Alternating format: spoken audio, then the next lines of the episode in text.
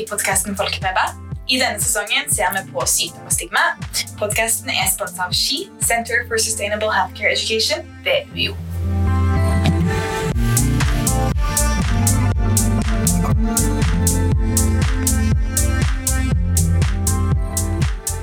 Hei og velkommen tilbake til en ny episode av Folkefeber. I dag så er det meg, Ida, og Sine Hallo. Som sitter her. Eh, og ja, Vi har jo i denne sesongen tatt for oss en rekke sykdommer og prata om hvordan stigma ser ut for mennesker med disse diagnosene.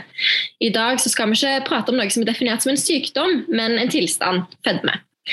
Både overvekt og fedme er veldig vanlig, både i Norge og verden generelt. Men selv om det er så vanlig, så er vi, og kanskje spesielt som helsepersonell, ikke flinke nok til å snakke om det på en god måte. Og det finnes betydelige mengder stigma rundt det.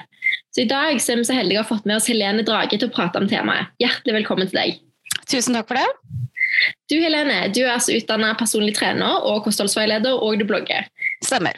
Du har hatt fedme og gjennomgikk i 2018 en gastric sleeve-operasjon, så vidt jeg forstår. Ja, det stemmer. Eh, Og En av grunnene til at vi valgte å ta kontakt med deg, er jo også fordi du har et veldig tydelig fokus på selvbilde og selvfølelse, og hva det er å ta vare på helsen, og at du er og har vært ærlig om din reise. Mm. Så vi gleder oss jo veldig til å snakke med deg, og setter stor pris på at du er, har blitt med oss i dag. Jeg Setter veldig stor pris på at jeg fikk lov til å komme også. Det her er jo et tema som, eh, som på en måte står meg veldig nært, da, siden jeg har ja, levd med fedme så lenge som det jeg har gjort. Og, og sett de utfordringene som, eh, som man kan møte med det. da. Mm. Ja, jeg tror dette blir veldig lærerikt for oss, så vi kjenner oss veldig heldige. Og Kanskje du bare begynner å fortelle litt om hvorfor du har valgt å være så åpen og dele av din reise med tanke på vekt? Eh, Det har jo på en måte bare blitt til av seg selv, hvis jeg kan si det på den måten. Det starta jo tilbake i 2010, så begynte jeg vel å blogge om det å her å gå ned i vekt, og delte veldig mye av det på bloggen min som jeg hadde da, som jeg har lagt ned nå. da. Um, og grunnen til at jeg begynte å dele, var jo egentlig mest for min egen del, for å ha for å hjelpe meg selv med å ha fokus. da. Eh, fordi jeg synes det var mye lettere når jeg snakka høyt om målene mine, og når jeg høyt om ting, så synes jeg det var mye lettere for meg å gjennomføre ting også.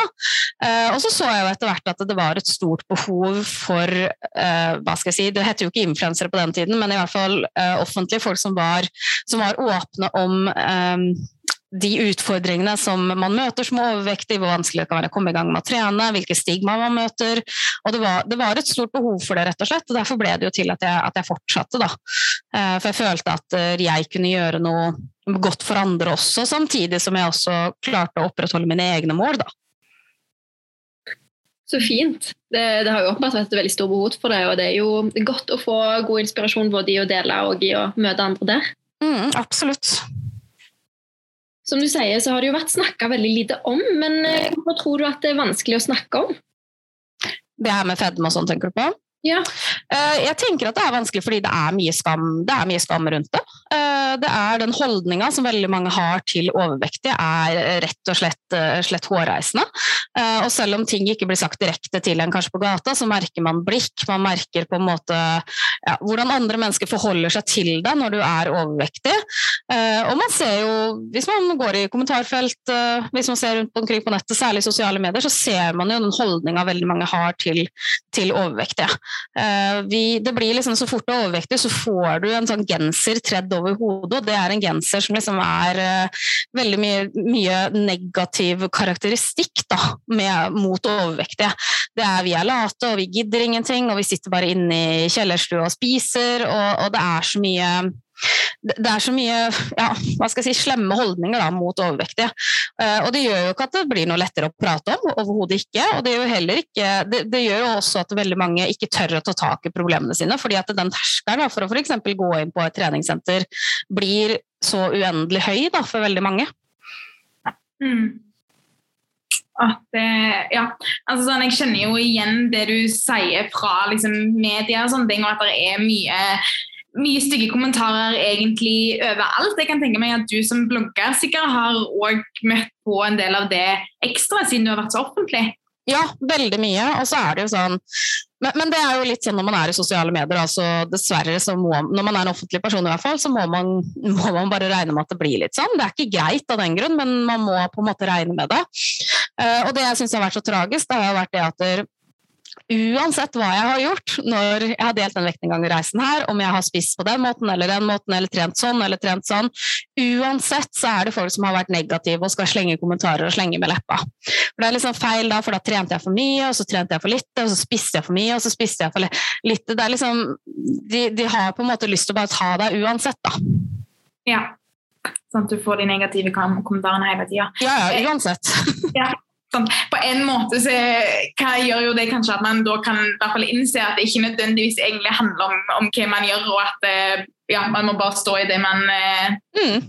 man tenker riktig selv. Mm. Det er jo nettopp det du gjør. Du skjønner jo det at ja. liksom, uansett hva du gjør, så er det gærent for enkelte mennesker. da.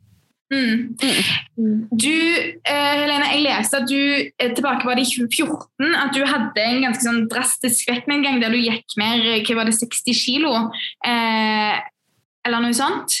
Ja, mellom 2011 og 2013 så gikk jeg ned 60 ja. kilo da, på egen hånd da, ved på en måte hjelp av trening og kosthold. da. Ja, eh, men at altså, sånn, der er jo mer til det med selvbilde og selvfølelse enn eh, enn den vektnedgangen. Men jeg, jeg, lurer litt på sånn, hvordan følte du, følte du at det var noen endringer i hvordan du ble møtt av kanskje ja, folk generelt etter ja. du hadde gjennomgått det?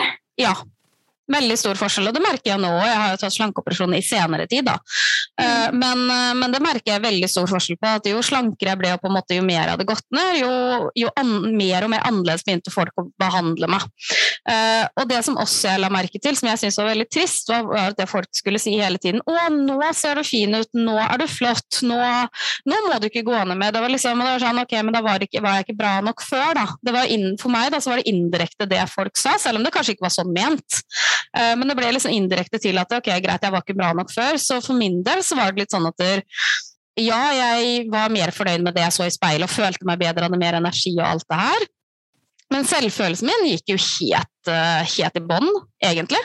Jeg følte meg jo ikke noe bra, jeg hadde ikke noe bra meg selv, jeg hadde ikke noe bra selvtillit, selv om jeg var mye slankere enn det jeg er nå også, da.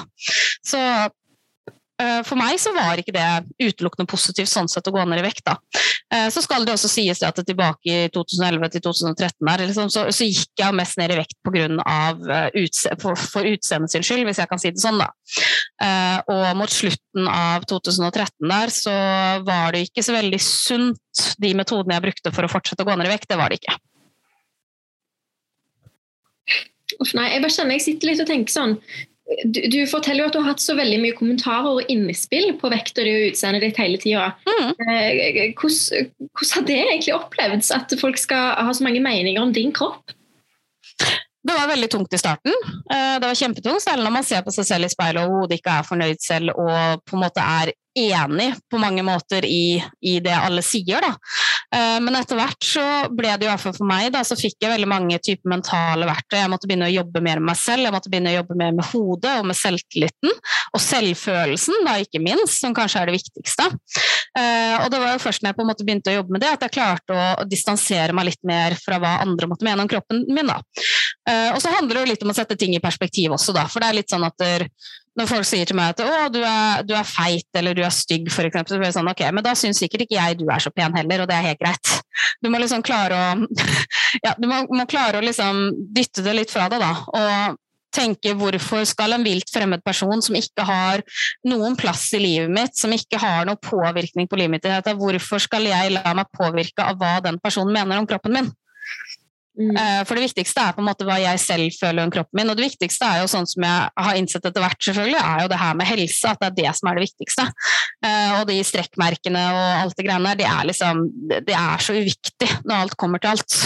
Mm. Ja, Herman, det er så viktig det du sier der. Og vi vil jo gå litt mer inn på helse, men bare sånn rett før vi går inn på det, så lurer jeg litt på og med alt dette da, og mm. all, alle prosessene du har vært gjennom, både fysisk og mentalt, eh, hva tanker har du gjort deg om, om det å leve med, med fedme som tilstand i vårt samfunn? Eh, Det er, det er, veldig vanskelig. Jeg, tror det er de aller fleste syns det er veldig vanskelig, fordi igjen vi lever i en verden hvor tynn er lik flink, og tynn er lik bra, og tjukk er lik eh, ikke bra og ikke, ikke flink. Um, og selv om jeg føler at jeg kan se et lite skifte, at vi på en måte blir mer opptatt av det å føle seg bra og det med helse og i det hele tatt, uh, og selvfølgelig bare fordi man er overvektig, så er det ikke dermed sagt at man har elendig helse og diabetes og sykdommer og i det hele tatt. Man har høyere risiko, selvfølgelig. Uh, men det er ikke dermed sagt at man er dårlig. Um, men selv, selv, om vi begynner å se den endringen her, da, så er det fremdeles utrolig mye stigma rundt det. Um, og jeg vet ikke, De aller fleste jeg snakker med, er jo Jeg snakker jo med veldig mange som til og med er eldre enn meg, som på en måte har slitt med det her hele livet. Og det er så trist og så tragisk å se hvor mange som sliter med det. Hvor mange som sliter med sånne negative tanker om seg selv. Eh, og hvor mange som sliter på den måten at de, de blir så opptatt av hva andre mener. Altså de, de klarer ikke å ta tak i det, rett og slett. Um, så, så, det må en markant endring til her, og jeg tror at en del av den endringa som må til, er å innse det at der, det er veldig mange ulike grunner til overvekt. Og det virker det ikke som veldig mange ikke, ikke skjønner. Alle tror at alle tror jo ikke det, men veldig mange tror at det er fordi at man, man bare spiser og ikke gidder å bevege seg. Uh, og det er, jo, det er jo ikke tilfellet for la oss si 95% av de som har, den, har fedme. Da. Det, det, er jo veldig mange flere grunner som ligger bak det. Mm, det er jo et enormt viktig poeng. Mm. Mm. Det er jo virkelig ikke sånn. Eh, men disse holdningene og sånn, hva, hva, erfaringer har du hatt i møte med helsepersonell? Når det kommer til dette med vekt og fedme? Eh, det er jo både òg. Eh, det har vært mye negative møter med helsepersonell, uten tvil. Det er jo veldig ofte sånn at man kommer og klager på ting og sånn, og veldig ofte så er løsningen fra helsepersonell at ja, men bare gå ned litt i vekt, så går det bra. Det er liksom litt sånn for satt på spissen, og du kommer inn med brukket arm, og så er det fordi at du er overvektig.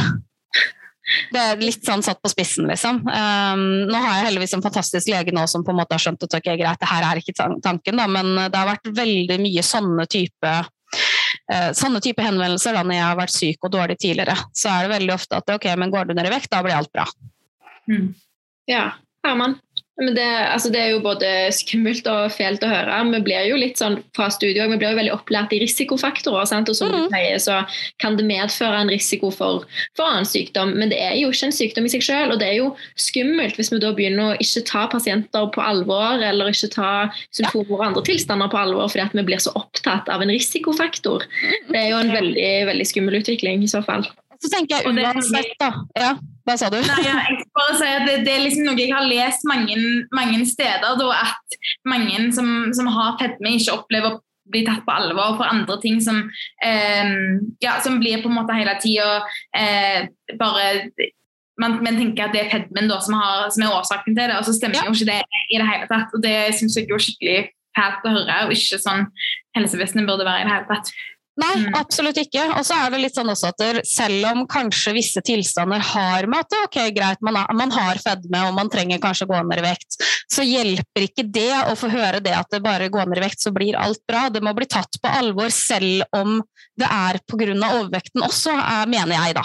Um, jeg har et eksempel på en jeg snakket med for litt siden, som slet med å få barn. Uh, hun var ganske, ganske overvektig. Uh, og legene mente hele tiden at det var fordi at nei, men du er overvektig, du må gå ned i vekt, du er overvektig, du må gå ned i. Og så viste det seg da at hun hadde en helt annen type tilstand som var grunnen til at hun ikke klarte å bli gravid. Uh, så fikk hun da hjelp for det, og så var hun da gravid etter seks måneder. Og da har hun da gått i jeg tror det var snakk om tre år da, før de klarte å finne ut at oi sant, men du, jo, du, hadde jo faktisk den andre tilstanden her som gjorde det vanskelig for deg å bli gravid. da. Eh, fordi at de bare har tenkt at ja, men du er bare, du er bare overvektig, du må bare gå ned i vekt, så går det bra. Så det er litt sånn ja. Det, det, det, det er jo litt sånn skrekkhistorie, akkurat det der, da. Men allikevel så viser det litt hvor, hvor viktig det er at helsepersonell ikke ser seg blind på vekt. Ja, og farge det skjønner jeg får helt frysninger. Det, jo, det demonstrerer jo virkelig hvor farlige disse holdningene her kan være. Mm, eh, og disse antagelsene kan være, og som du sier da, eh, ja, hva var det du sa, at 95% har jo veldig andre grunner enn at de bare liksom, jeg vet ikke, holdt på å si, er late som den holdningen da er. Mm. Da er det jo mye en kan adressere og, og, jobbe med sammen hvis det er ønskelig. på en måte, men eh, ja, man, det er jo kjempeskummelt. En skal jo bli tatt alvorlig som menneske med sine problemer og sine symptomer i en helsesetting uansett hvordan andre mm. tilstander en har. på en måte. Mm, det er nettopp det. Også det å, hvis man syns det er vanskelig å gå ned i vekt, og liksom man sliter med det her, og man har kanskje mange tunge tanker, og i det hele tatt, og bare får møte at ja, men bare går ned i vekt, så går det bra. Og så er det litt sånn ja, bare gjør det. Så fint, da. Og så har man kanskje sittet der og prøvd gud vet hvor mye, da, som man føler at man har prøvd selv. Eh, og da virker jo det bare Det virker så sykt håpløst, rett og slett. Uff, ja. Nei, det, jeg skjønner det er så viktig at vi får snakke med deg nå, så vi, vi får litt erfaring om dette og blir litt bevisst på det sjøl Ja. òg. Mm. Men du Helene, jeg lurer på altså sånn, fordi Jeg tror at det med vekt og det med fedme er noe som mange helsepersonell kvier seg litt for å snakke om. fordi en ikke vet Mm. helt hvordan en skal ta det opp. Hvordan tenker du at eh, en kan gjøre det på en god måte som òg viser respekt for det mennesket man har for, foran seg, men altså, at man kan ta det opp eh, likevel?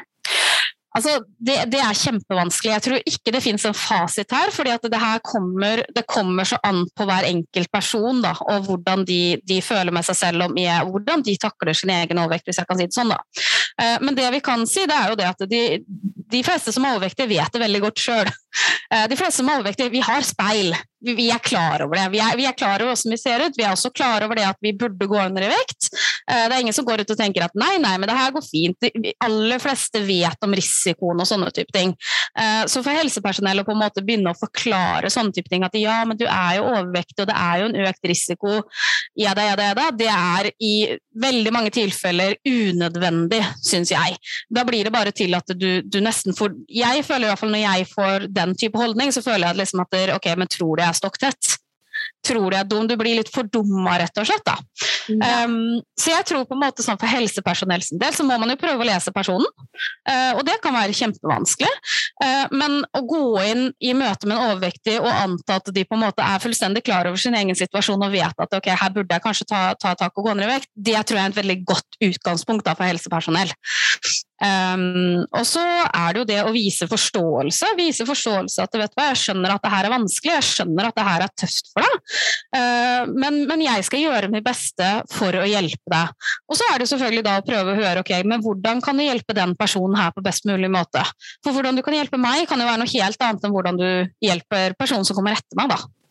Så, så det er kjempevanskelig, og det, det er det virkelig. Men at noe er vanskelig, er ikke en grunn til at man ikke burde fortsette å prøve. Nei, absolutt ikke. Det er viktig, veldig viktig det du sier det.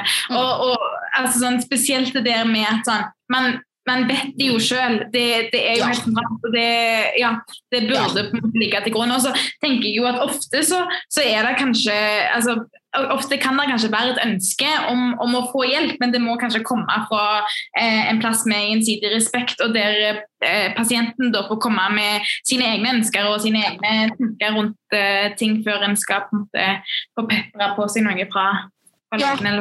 Ja, absolutt. Og så er det som jeg sier, at det er de aller færreste vet ikke Eller de all, det, er, det er veldig få da, som ikke vet de risikoene som det her medfører. Eh, så på en måte begynne, å begynne å, å liksom forklare ned på sånt nivå, det blir liksom barneskolebehandling, og det, det gjør ingen noen tjeneste, tror jeg, da. Ja, absolutt. Og det, det er jo nesten litt, sånn, litt morsomt du, hvordan du formulerer det. For det er jo litt det med at møter du folk med nysgjerrighet og respekt, så er det jo ikke noe vanskelig uansett hvilken tilstand det er. Og det er jo det du sier nå. Det handler jo bare om å se den personen du er med, og snakke til dem på en ordentlig måte. Og jeg kjenner at jeg blir nesten litt redd for at vi òg, i og med at vi syns det er så vanskelig og derfor gjerne ikke tar det opp, er med på å fortsette å stigmatisere det litt sånn utilsiktet, rett og slett fordi at vi, vi, vi gjør det så skummelt, da. Ja. Så koker jo ned til dette som er, som er det meste annet, at liksom med respekt og nysgjerrighet så kommer du jo ganske langt. Uten tvil. Uten tvil. Og det er jo Jeg vet at det er veldig mange som føler på det her med at de på en måte blir at de har ikke fedmen, men de er fedme. Som jeg sier, du får den der hetta trukket over huet at liksom når du har fedme, så er du sånn, sånn, sånn, sånn og sånn. Og that's it. Du er, du er kun Mm. fedmen din, og det, er, det, også er jo veldig problematisk. For det blir til at man identifiserer seg med fedmen sin, og det eneste man baserer sin egen verdi på, er hvor mye vekta viser, og hvordan man ser ut. Og det er jo kjempeskummelt, Mm. og det er jo kjempeskummelt uansett hvordan, om man er overvektig eller ikke, for guds skyld. Det å basere sin egen verdi kun på utseende og kropp er kjempenegativt for de aller fleste. Men det blir Mm. kanskje enda mer tydelig da, når man er, eller er overvektig og har fedme, pga. de holdningene vi, vi møter ellers i samfunnet også. Ja. Mm. ja, for vi som samfunn er gjerne liksom med på å bygge opp denne genseren, da, som du kaller det. Uten tvil. Mm. Helene, jeg er litt nysgjerrig på, fordi I 2018 så sa du at du, du har eh, gjennomgått denne gastric sleeve-operasjonen. Kan du fortelle litt om møtet med med helsevesenet generelt og i forbindelse med det? Ja. Um, jeg fikk jo faktisk tilbud om en slankeoperasjon tilbake i 2011, før jeg begynte å gå ned i vekt selv. Uh, da var jeg på jeg vet ikke om det heter Overvekstklinikken, jeg bodde i Oslo da, så det husker jeg ikke helt hva det heter, men da fikk jeg i hvert fall tilbud om det. Og det var jo da jeg sa at ok, greit, men det her vil jeg ikke, jeg vil prøve å gå ned på egen hånd selv først, da. Uh, og så klarte jeg jo det, og så gikk jeg opp i vekt igjen, og så gikk jeg ned i vekt igjen, og så begynte jeg å innse ok, greit, men jeg trenger et, jeg trenger et verktøy, jeg trenger noe mer enn bare hodet mitt. Jeg trenger et mer fysisk verktøy, hvis jeg kan si det sånn. Da. Og da tok jeg jo kontakt med legen min, det var jo da i 2017, tidlig i 2017, og ble da henvist videre til sykehuset i Moss. Og fikk på en måte klarlagt ok, jeg har krav på å få dekket det her av det offentlige. og alt sånt da. Og det å bli møtt av helsepersonell i den runden der kontra i 2011, det var jo på en måte natt og dag. For tilbake i 2011 så var det litt vel en holdning at ja ja, men du har du prøvd å spise, og trene, nei, spise mindre og trene mer? Nei, ikke prøv det. Det er, liksom, det er så teite spørsmål. Jeg blir så jeg kjenner at jeg blir litt sarkastisk bare jeg tenker på det. Men da var det på en måte veldig mye den, den holdninga der, da, at liksom Ja, ja, men det her har du klart deg sjøl, og liksom Ja, men du kan få en slankeoperasjon, men da må du skjerpe deg. Det var liksom litt den holdninga der. Um, og så spoler vi fram til 2017, og da var det mye mer sånn at ja, men så fint at du tør å be om hjelp. Her skal vi på en måte hjelpe deg. Vi må gjennom et tolv ukers kurs, tror jeg det er først. Uh, hvor det er da hver uke så er det da forskjellige temaer. Alt fra, fra trening, hvordan lese næringsinnhold bak på matvarer. Liksom det er et ganske omfattende kurs, da. Uh, hvor vi, man også snakker med andre som har slankeoperert seg og sånn. Uh, og det å møte helsepersonell i, i den sammenhengen var jo, noe, var jo noe helt annet, for de var jo der, følte jeg, da utelukkende for å hjelpe da. Og hadde mye større forståelse for liksom at vi, ok, greit, du vet at du er overvektig, da bør vi ikke snakke om det. Um, Nei, har kanskje òg ja. forståelse for de ulike grunnene til, til at man òg kan ha overvekt. og Uten tvil. Mm. Mm. Det jeg savna derimot, som jeg har snakka en del om i ettertid også, det er jo det at det er veldig lite fokus på det mentale. Mm. Det burde det vært mye mer fokus på, for det er veldig mye fokus på at å, lær deg å lese innholdsfortegnelsen, sånn her trener du ordentlig, liksom litt om mentale verktøy òg, selvfølgelig. Men jeg mener jo at 90% av overvekt ligger jo i nettopp det her med mental helse og sånn, da det er det altfor lite fokus på. Mm. Det er jo òg ei vanskelig felle å gå i hvis en skal begynne å slanke seg, sånn som du snakket om tidligere, når dette her med egenverdi ligger mye i vekt. At det er jo noe en kanskje skal være litt ekstra bevisst på når en begynner med en behandling for å gå ned i vekt òg. At det er av riktige grunner, og at en har mulighet for ivaretakelse hvis en trenger det. da, Til å få mentale verktøy og sikre at det er av riktige grunner, eller sunne grunner iallfall. Mm, absolutt. Så, det er, nei, så, så akkurat det syns jeg liksom at det, kunne, det, burde det være mer fokus på generelt. Og det har jeg prøvd å ha litt fokus på i, på i mine sosiale medier-kanaler. og sånn, Det er jo det å fokusere på det mentale, at hodet må være med deg på veien. Mm. Eh, for det tok jo halvannet år fra jeg tok kontakt med legen til jeg fikk slankeoperasjon. Eh, og veldig mange syns jo det er veldig lang tid. Eh, men som jeg har sagt, at jeg syns det er veldig viktig, fordi at du får tid til å få med deg huet på veien. Det er ikke bare sånn at du tar kontakt med en klinikk, og så betaler du 50 000, og så er du operert dagen etterpå omtrent, og du får liksom ikke tid til å omstille det engang. Da. Så jeg mener jo det at det at det tar litt tid, at man er gjennom kurs og alt det der, jeg mener jo at det er en positiv ting da, med det offentlige. da. Mm. Så bra. Og det, altså, sånn, det, fører jo med seg en god del endringer i, i hverdagen, eh, sånn som jeg har hørt. hvert fall, at Mm. Da må man virkelig være klar over hva det innebærer òg. Ja, og det er jo det som er med slankeoperasjoner, for jeg har jo opplevd en del stigma rundt det også. Uh, først så fordi at jeg valgte å ta det, fordi at jeg snakka så mye om at det her med helse er det viktigste, da, og det mener jeg jo fremdeles. Men poenget er at jeg kan ikke la være å ta en operasjon som kan gi meg bedre helse, fordi jeg tidligere har sagt at jeg ikke ville ta slankeoperasjon. Det er liksom, ting, ting endrer seg, liksom man endrer meninger og endrer tanker om det, da. Um, så men så er det liksom så mange som mener at når man tar slankeoperasjon, så bare går man ned i vekt helt av seg selv, og liksom det er juks og snarvei og alt det greiene her. Uh, og det folk ikke skjønner, er at jeg må gjøre nøyaktig den samme jobben som jeg måtte gjort uten den slankeoperasjonen. Det er bare det at jeg har et ekstra verktøy med at jeg ikke kan overspise sånn som jeg hele tiden gjorde før. da. Mm. Mm. Ja, absolutt. Og du har jo virkelig Eller sånn eh, når jeg hører du snakke Helene, fortelle liksom om reisen din, så har jo du på en måte vært innom så mange forskjellige deler av dette her òg. Mm. Du har jo virkelig gått gjennom på en måte flere, altså både den naturlige vektnedgangen uten operasjon, og på en måte hvordan det ikke nødvendigvis fikser problemene selv om man klarer det. og liksom Mm. har vist at ja, um, nei, du har vært inne på det egentlig gjennom hele samtalen. Ehm, Men eh, jeg tenkte vi skulle gå litt videre inn på dette her med, med stigma. og sånn, Du hadde det fine bildet med liksom at du ble tredd på en genser, og at Mm. man ble satt på disse her merkelappene, sånn at man er lat eller at man ikke gidder. eller altså sånn, disse Ja. her tingene. Sånne merkelapper og disse her tingene, de, det er jo veldig sånn, typisk for stigma, uansett hva det handler om. Em, Kan du fortelle litt om hvordan Har du noen konkrete opplevelser på hvordan eh, du har blitt stigmatisert pga. fedme? Altså det er jo, Du kan jo tenke deg selv å være, prøve å være litt overvektig og være personlig trener. Det er jo det beste eksempelet. Um, nei, det, det, er jo, det er jo der jeg kanskje har opplevd det mest, egentlig, er jo i jobbsammenheng. Særlig med tanke på personlig trener. Da, fordi at der, Som personlig trener så skal man jo ha sixpack og bare spise sunt og alt det der. er litt den holdninga jeg har møtt. da. Uh, så det har vært veldig mange som liksom bare Herregud, åssen kan du være PT, åssen kan du tjene penger på det, åssen kan du jobbe som det når du er feit sjøl og du klarer ikke å gjøre det som du hjelper andre med, da. Uh, og som jeg sier da, at min kunnskap sitter jo ikke i vekta mi. Min kunnskap sitter jo ikke i den ekstra kiloen jeg har på magen. Uh, min kunnskap sitter jo ikke i uh, på en måte helsa mi, da, hvis jeg kan si det på den måten. og jeg tror de aller fleste som jobber med å hjelpe andre mennesker, vet at det alltid er lettere å hjelpe andre enn å hjelpe seg selv. For det er to forskjellige ting. Så, så, så, det er vel der jeg egentlig føler sånne jobbsammenhenger at man har møtt uh, hva skal jeg si, mest, mest stigma. da, liksom føler at herregud, klarer du det her? Eh, når du har kommet inn på en gruppetime f.eks., og så bare får du de blikka litt sånn som måler opp og ned, så bare å ja, mm, du skal aerobic-timen, ja. Åssen kommer det til å gå? Du leser det nesten i blikket til folk, da.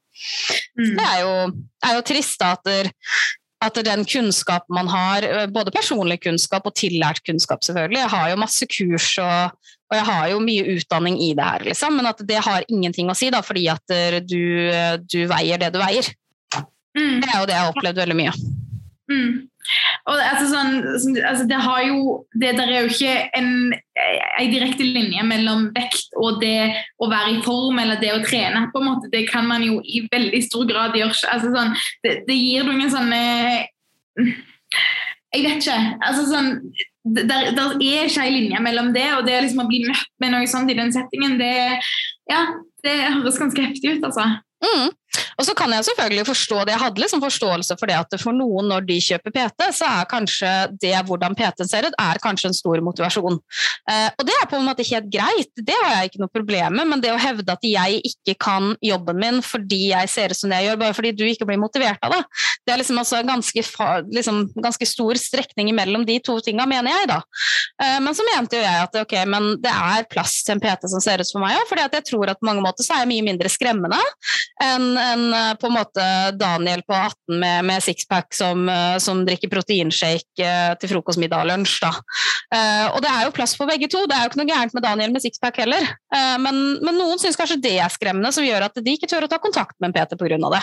Så Derfor så mener jeg at det er viktig at man har peter, eller på en måte treningspersonell da, i alle farger og fasonger også. Mm.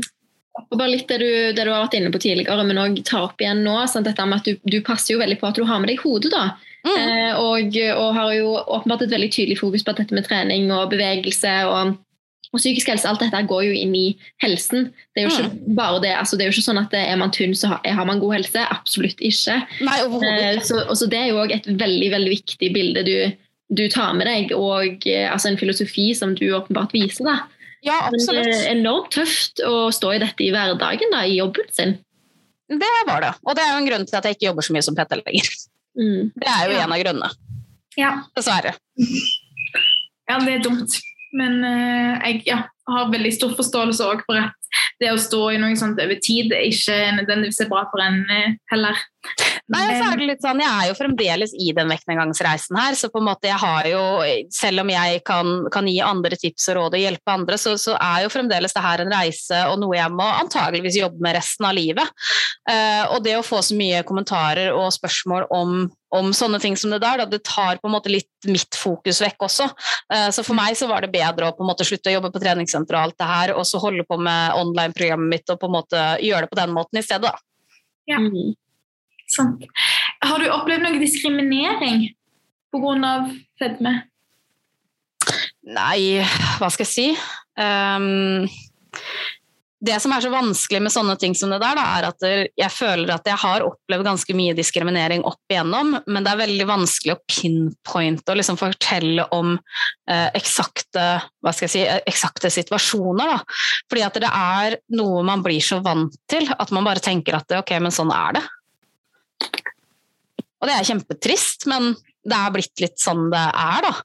Uh, og så er det jo selvfølgelig ganger hvor jeg kanskje føler at ok, nå er jeg diskriminert. og Jeg har f.eks. opplevd å miste en jobb som jeg mener at jeg er helt klart best kvalifisert til. Uh, og jeg har jo sterke meninger om at det var pga. rett og slett utseende, men jeg kan jo ikke bevise noe. Så, så, det er litt vanskelig å komme med litt sånn konkrete eksempler. Det er kjempevanskelig, syns jeg. Mm. Ja. Men det er jo òg altså, i seg sjøl bare det at, du, det at, du, føler at dette er liksom, til, til dels en vane, sier jo mye i seg sjøl, da. At ja. man har en forventning og Jeg vil ikke kalle det en aksept, men iallfall en, en forventning og ja, mm. En oppfatning av at sånn, sånn, er det bare, for sånn skal det jo virkelig ikke være. Nei, men det er veldig mange som, eh, som føler det på den måten her, vet jeg. At mm. liksom, sånn er det bare. Det må man bare takle. Mm. Hvordan tenker du Helene, at vi kan jobbe for å motvirke disse merkelappene og diskrimineringen og sånn som følger med fedme nå i dag? Det er veldig vanskelig å si. Eh, jeg tror på en måte at enhver person må jo ta ansvar for sin egen del også. Jeg tror det er veldig viktig at vi snakker om det. At vi har sånne podkaster sånn som det her, da, hvor man kan, kan stille de spørsmålene og være nysgjerrig uh, i et, hva skal jeg si, trygt område, hvis jeg kan si det sånn. Et trygt miljø. Da. Uh, så, så, vi må fortsatt snakke om det. Vi må fortsette å, å tørre å hva skal jeg si, tørre å ta opp de vanskelige diskusjonene, for det er en vanskelig diskusjon. Uh, og jeg tror også en del Ehm, skal jeg si det? Eh, jeg tror også at litt av jobben ligger kanskje på oss som har fedme. Da. Eh, på hvordan vi eh, snakker til oss selv, hvordan vi tenker om oss selv. Og at vi faktisk ikke tillater at sånne ting skjer. At vi tør å si ifra, da, rett og slett. At vi tør å si ifra hvis vi blir dårlig behandla, hvis vi blir diskriminert pga. Eh, kropp og utseende, hvis vi uh, ja, får høre at vi ikke kan, er gode i jobben vår pga. hvordan vi ser ut, og hvis, hvis, vi på en måte slutter å tillegge bare kropp og utseende den verdien som vi snakket om i stad. Så jeg tror på en måte at mye av jobben må bli gjort av, av oss som har fedme også. Um, og det er jo ikke fordi at jeg mener at ansvaret ligger hos oss, absolutt ikke, men jeg tror at for at vi skal få til en reell og god endring, så må også folk bli uh, på en måte sagt ifra til. Da. Uh, for jeg tror også at mange jeg ser liksom på mye av de kommentarene som jeg har fått på sosiale medier opp igjennom, da, at der, jeg, jeg, tror ikke at der, det ligger noe ondt bak mange av dem. Og det høres veldig rart ut når man ser på noen av kommentarene jeg har fått, da. Men, men jeg tror på en måte at veldig mange bare er uvitende, uomtenksomme og tenker ikke etter. Og kanskje hvis vi da er flinke til å si at vet du hva, det der sårer meg faktisk, det er ganske slemt sagt, da. Så kanskje mm. vi kan få til en endring der det betyr noe, da. Ja. Hvis det gir mening. Det er veldig uh, Ja, og kjempe, kjempeviktig det du sier. Det er noe med å sette ord på det og ikke, ikke holdt jeg på å si, la oss være nettroll. Og jeg merker jo sjøl bare av å ha denne samtalen med deg at jeg, jeg lærer enormt og får, får mye mer innsikt holdt jeg på å si, og innblikk i, mm. i din situasjon og i hvilken rolle jeg kan ta på meg sjøl, både som liksom, privatperson eller uh, uh, jente på sosiale medier, eller ja. som helsepersonell. At det er mye, uh, mye nå kan, kan, ende opp med å si eller gjøre som en kanskje ikke mener noe vondt, men som kommer ut og, og, og, kan være sårende eller skadelig. Og mm. eh, og da er det så viktig, og jeg kjenner at jeg setter sånn pris på at, at du lar oss være nysgjerrige og, og lære av deg her. Ja, og så er det jo litt sånn som vi sier med mobbing og sånne type ting også, med rasisme også, da, for den saks skyld. At vi, vi andre må også si ifra. Mm. Hvis man, om, om, hvis, man hører noen si noe rasistisk, f.eks., så må vi også ta og si ifra. Vi kan ikke bare stå og tillate det, for det er det samme som å si at det er greit. Og litt sånn er det jo kanskje også med overvekt og fedme. Hvis man på en måte hører folk si hører folk har de dårlige holdningene her, da, liksom bare 'Å, du er så feit, du klarer sikkert ikke å gå opp trappa engang'. Liksom, hvis man hører sånne ting, så må kanskje andre også komme litt på banen og si at vet du hva, det der er faktisk ikke greit. Mm. Det tror jeg også kan hjelpe veldig mye, at man føler at man har støtte. Um, mm. Og det er ikke sånn at jeg, jeg, tror at visse ting med det her med å være overvektig, det, det skjønner man ikke med mindre man har vært der selv. Uh, og det er helt greit, men jeg føler at man kan akseptere og prøve å forstå det likevel, selv om man kanskje ikke har kjent på kroppen. da. Nei. Ja, for det er jo veldig mye vi kan forstå selv om vi kanskje ikke skjønner det helt. Ja, det og vi må jo være på lag her for å få endra dette, som du sier. Det må komme fra alle frontene. Ja, jeg tror det. Og det er sånn, som jeg sier, det, er helt greit at ikke Jeg har for ikke Jeg forstår jo ikke helt hvordan det er og den andre veien. Da. Det er mange som, er for, som på en måte skulle ønske at de kunne klare å legge på seg. Så får høre veldig mye at 'å, beinrangel, du er så tynn, du må begynne å spise mer'. Og det her er jo like sårende. Jeg kan jo ikke skjønne hvordan, hvordan det er, men jeg klarer jo å sette meg inn i det og forstå det likevel. Mm. Veldig sant.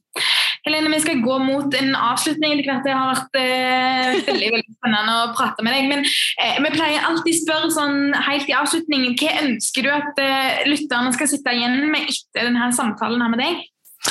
Jeg håper at de sitter igjen med kanskje en litt større forståelse om at det ligger ganske mye mer bak eh, hva skal jeg si, overvekt og, og, fedme. Det ligger som regel mer bak. Og det er ikke sånn at folk, eh, de som har overvekt, eh, ikke, ikke forstår det sjøl. Men det er bare noen ganger så er man i en situasjon hvor man syns det rett og slett er dritvanskelig å gjøre noe med det. Eh, og det å få kasta stigma og fordommer og alt sånn her etter seg, det gjør ikke at man får mer lyst til å ta tak i ting. Eh, så hvis man virkelig er bekymra for noen og liksom tenker på helsa til folk, og sånn, så er det det å, å, bli møtt med forståelse og respekt som er på en måte den riktige veien å gå da, for at vi skal få tatt tak i det her. For det, for det, er, jo noe, det er jo ikke noe hemmelighet om at fedme er en utfordring i dagens samfunn. Det er det ikke. Uh, men å få høre at å, du er så jævlig feit, bare se å gå ned i vekt, bare tren mer og spis mindre, og få de her frasene kasta etter seg, det gjør bare vondt verre. Um, og litt sånn som du sa i stad, at, du blir, møter du noen med respekt og forståelse og på en måte nysgjerrighet, så er veldig mye gjort. Det syns jeg var en veldig veldig fin avslutning. Tusen tusen takk for at du tok deg tid til å prate med oss. Jo, takk for at jeg fikk komme.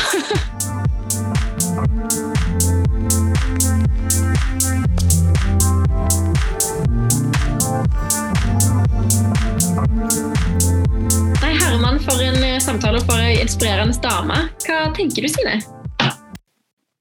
Nei, altså, Det første jeg tenker er sånn, Jeg har faktisk vært litt sånn nervøs foran denne samtalen. For selv om det er på en måte det vanligste vi har dekt i hele denne sesongen, så er det noe av det noe av det vanskeligste å snakke om. fordi jeg tror også at liksom det at det, det, er ikke en sykdom. Fedme er i Norge ikke definert som en, som en, sykdom, og det tenker jeg eh, på mange måter er bra. Men, um, men det at en tilstand har òg en del implikasjoner på hvordan eh, man prater om det, og hvem som på en måte får skylden. Sant? Fordi at Når man prater om pedme, så, så gir man ofte personen med pedme skylden, eller samfunnet gjør det. og Det, det stemmer jo ikke alltid, men, men, jeg tror det gjør at vi liksom Eller i hvert fall jeg kvier meg litt for å, for å prate om det. Um, og så er det veldig veldig fint å prate med Helene, som, som er så åpen og ærlig. Og så tror jeg vi har veldig veldig mye å lære i hvordan vi kan prate om det på en, på en god måte. Mm, ja, virkelig. Og eh, altså, nettopp det jeg òg sa med at vi på en måte gjerne ikke altså at helsepersonell gjerne ikke møter eh, denne pasientgruppa med helt forståelse og respekt, eller egentlig hva skal man si da, forståelse for at det kan være noe annet. Eh, og ikke tør å ta det opp. Dette her med at vi også kan være med på en sånn utilsikta diskriminering med at vi rett og slett ikke tør å spørre eller å snakke om det, eller i motsetning snakke om det, men blir belærende og, og hovne. Sant? Jeg tenker at Det er så mye viktig her som er godt bare å bli bevisst på. Eh, mm. og jeg kjenner jeg er skikkelig glad for at Helene er såpass åpen at hun, at hun er liksom mottakelig. For jeg har vært skikkelig redd. Det er så mye, mye en kan si som kan bli feil, eh, som ikke er ment feil. Men da, da er det så godt å få, få, spurt og få vært nysgjerrig og få bli bevisstgjort på de, de tingene vi, vi, kan gjøre bedre, og som er bra, og som ikke er bra, holdt jeg på å si, rundt denne mm. Eh, og sånn som Helene også sier, så er det jo altså, det er ingen som har fedme som, som trenger å høre. De har det, de vet allerede.